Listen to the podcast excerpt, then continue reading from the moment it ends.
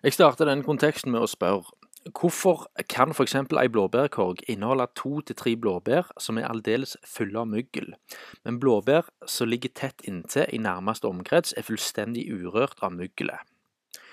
Grunnen til dette er at myggelet, som er en konsentrasjon av bakterier, kun florerer i de blåbæra hvor vev er skada og ødelagt, som f.eks. fra et dunk eller annen eksterne påvirkning som har blitt påført blåbæret eller at den biologiske klokka til blåbæret har utløpt.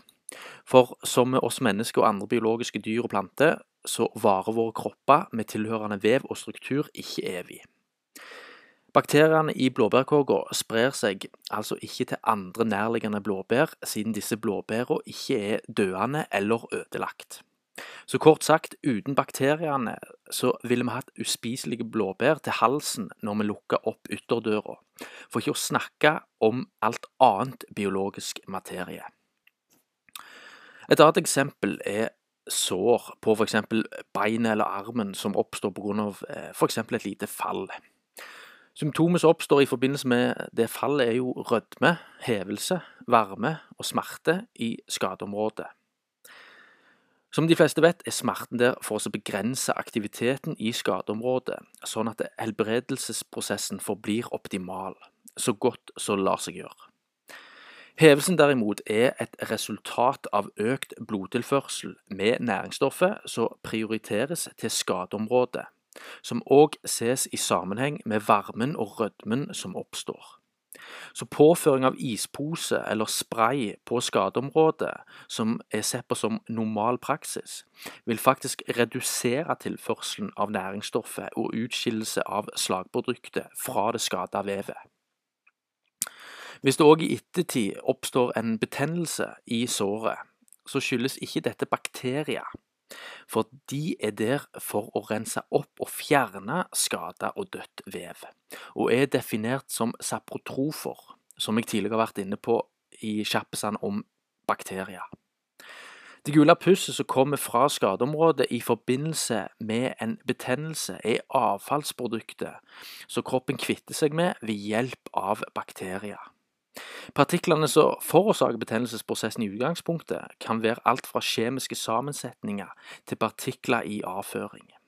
Men det er bakteriene som gis skylden, uheldigvis. Så når det gule pusset visuelt kan observeres i såret, så er allerede helbredelsesprosessen særdeles godt i gang. Og, og da påføring av pyrisept eller annet såkalt bakteriedrepende preparat vil kunne begrense og redusere helbredelsesprosessen som kroppen og dens bakterier selv står for. Som f.eks. en øyeinfeksjon som allerede var i sitt siste stadie, vil kunne reverseres, og helbredelsesprosessen vil ta lengre tid. Og i flere tilfeller vil infeksjonen kunne være repeterende over en lengre periode, nettopp pga. at avfallsproduktene i utgangspunktet ikke ble oppriktig fjernet pga. behandling med bakteriedrepende preparat som f.eks. Purisept. Disse symptomene, som smerte, hevelse, rødme, varme og pustdannelse, er alle naturlige biologiske mekanismer fra kroppens side og skal ikke begrenses eller manipuleres unødvendig. Selvfølgelig finnes det jo òg unntak i særtilfeller hvor kroppens naturlige respons i situasjoner kan føre til eksessiv hevelse, da i så stor grad at det blir til abnormal hinder for pasienten. Men uten å være for spesifikk er det alltid andre faktorer og innfallsvinkler som til sammen forårsaker denne kraftige overstimuleringa av f.eks. hevelse og væskeretensjon hos den utsatte. Og Det skal også sies at kroppen den består av rundt 100 trillioner med celler. 10% av disse er menneskelige celler, altså våre egne celler med vårt eget unike DNA i. De resterende hele 90% er mikroorganismer med andre ord bakterier som lever i homostase med kroppen. Til og med selve kraftverket i cellene våre, kalt mitokondriene, som jeg tidligere har vært inne på, er faktisk bakterier. For mitokondriene har ikke samme DNA som mennesket de befinner seg i, men allikevel er de essensielle for at vi eksisterer, og i det hele tatt kan eksistere. Parasitter som protozoa og helminter derimot kan være synonymt med sykdom, uten tvil.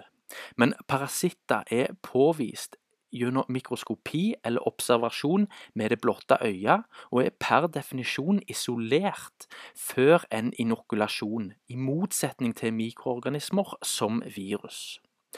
Og Hør eventuelt Kjappes 12 for mer informasjon.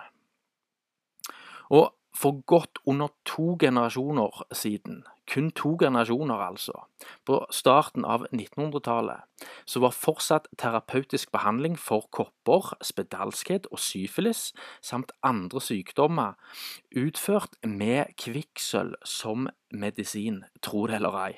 For ikke å snakke om årelating, som òg slutta på 1900-tallet. Og På samme tidspunktet som kvikksølv ble fjernet som behandlingsform, opphørte òg disse kjente sykdommene.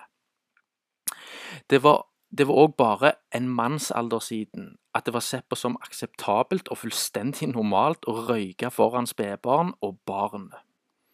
På starten på 1980-tallet, før hiv- og aids-pandemien, så var antistoffutskillelse synonymt med såkalt normal helse før det uten noen form for vitenskapelig forklaring ble snudd 180 grader og fikk motsatt betydning. Ved medisinstudiet samt andre retningslinjer informeres det om at informasjon til stadighet endres, og gårsdagens faktum er dagens feilskjær. Det samme vil meddeles på internettet hvis han søker opp informasjon som er av eldre dato innen helsevesenet. Men for en eller annen grunn er spireteorien en udiskutabel teori, som er og forblir et misvisende faktum, som er særdeles indoktrinert i akademisk forstand.